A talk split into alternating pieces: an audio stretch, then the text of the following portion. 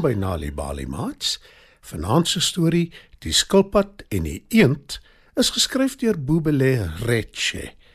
Skuif nader en spit julle oortjies. Jippie!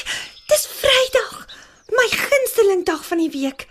Ek kan die hele hele naweek met my maat speel. Sê Amanda vir haar ouma en glimlag. En weet ouma, hoekom hou ek nog van Vrydag? Voeg sy by.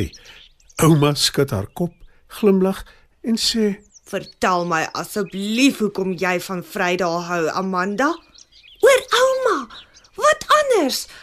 Ouma vertel elke Vrydag my 'n nuwe storie en ek hou so baie daarvan om na ouma se stories te luister. Antwoord Amanda en sy draf weg om haar huiswerk te doen. Toe dit klaar is, pak sy haar skoolboeke weg en doen haar huishoudelike take. En toe uiteindelik kan sy by ouma in die tuin aansluit. Ouma, ouma, dis storietyd. roep sy. En soos elke Vrydag vra ouma haar dieselfde vrae en sy gee dieselfde antwoorde. Is jou huiswerk klaar? Ja, ouma. En jou huishoudelike take? Ja, ouma, ek het alles gedoen. Vertel nou vir my 'n storie asseblief.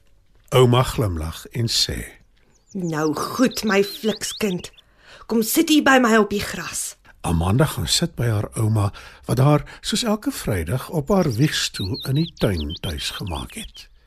Die son skyn heerlik warm en Amanda is oortuig sy is die heel gelukkigste kind op aarde. Sy kyk afwagtend na haar geliefde ouma en ouma begin met 'n vraag. Het jy al ooit 'n skilpad gesien? Amanda lag en antwoord: Natuurlik het ek al 'n skilpad gesien, ouma. Slim kind. sê ouma en vra: En sê my bietjie, weet jy hoekom skilpaaie sulke groot doppe het wat hulle hele lyf bedek? Amanda skud haar kop. Ouma glimlag en toe begin die storie.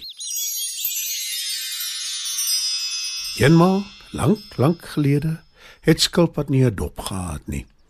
Hy het oral op sy twee agterbene rondgeloop en het graag gepronk. Skilpad was vriende met al die diere en hy was baie gewild.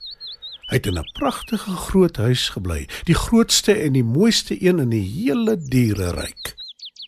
Maar toe op 'n dag, terwyl Skilpad op pad is na sy huis toe, steek daar skielik 'n kwaai wind op en die lug word grys en donker. Dit begin hard reën. Die ergste wat enige dier nog ooit ervaar het. Bome word omgewaai en arme Skilpad beur teen die wind om by sy huis uit te kom.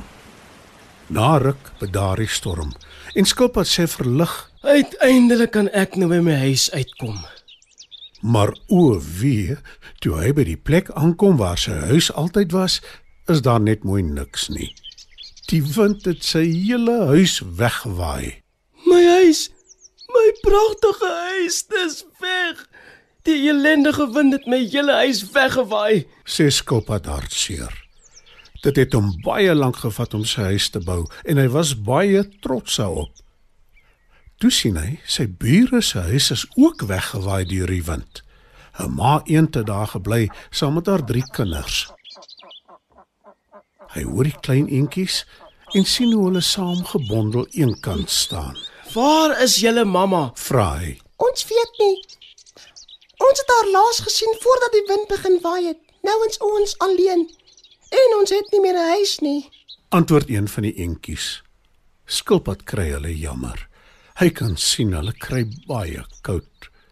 Sommer gou maak hy 'n vuur van takke wat rond lê sodat hulle kan warm kry.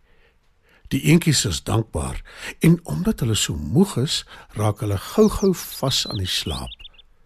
Skilpad bly by hulle en pas hulle op totdat hulle mamma terugkom.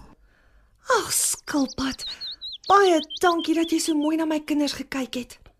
Sê ma eend. Sy kom agter Skilpad is hartseer en vra: Wat is dit, my vriend? Voel jy sleg oor jou huis?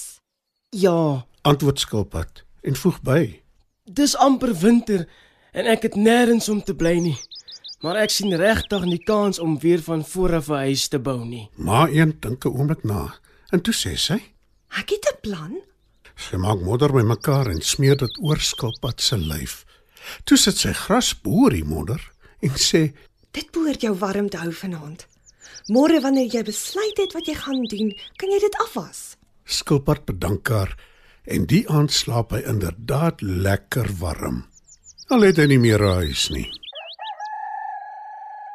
Toe hy die volgende oggend wakker word, is dit nog steeds koud en Skilpad besluit om liewer nie nou al die modder en gras af te was nie.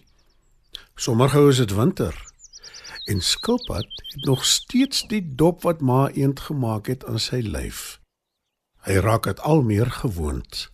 Die modder word al harder en dit beskerm sy lyf. En teen die tyd dat dit weer somer is, besluit Skilpad, die dop is nou sy nuwe huis. Hy kan dit oral saam met hom dra en die wind kan dit nie wegwaai nie. Fluit, fluit, my storie is uit. Sê ouma en Amanda klap haar hande. Ek sien al klaar uit na die volgende een, ouma. sê sy. Ouma glimlag, want sy hou net soveel daarvan om vir haar kleindogter stories te vertel as wat Amanda daarvan hou om na haar ouma se stories te luister.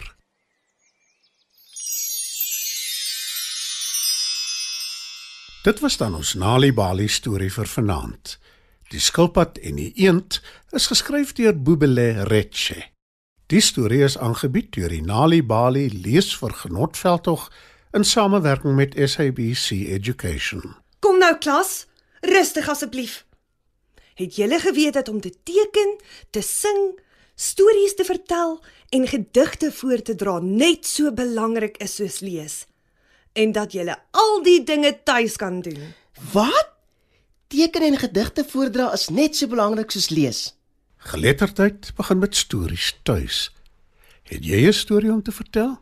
Stuur jou storie in enige amptelike taal na stories@nalibali.org en dit kan moontlik gepubliseer word. Nalibali. Dit begin met 'n storie.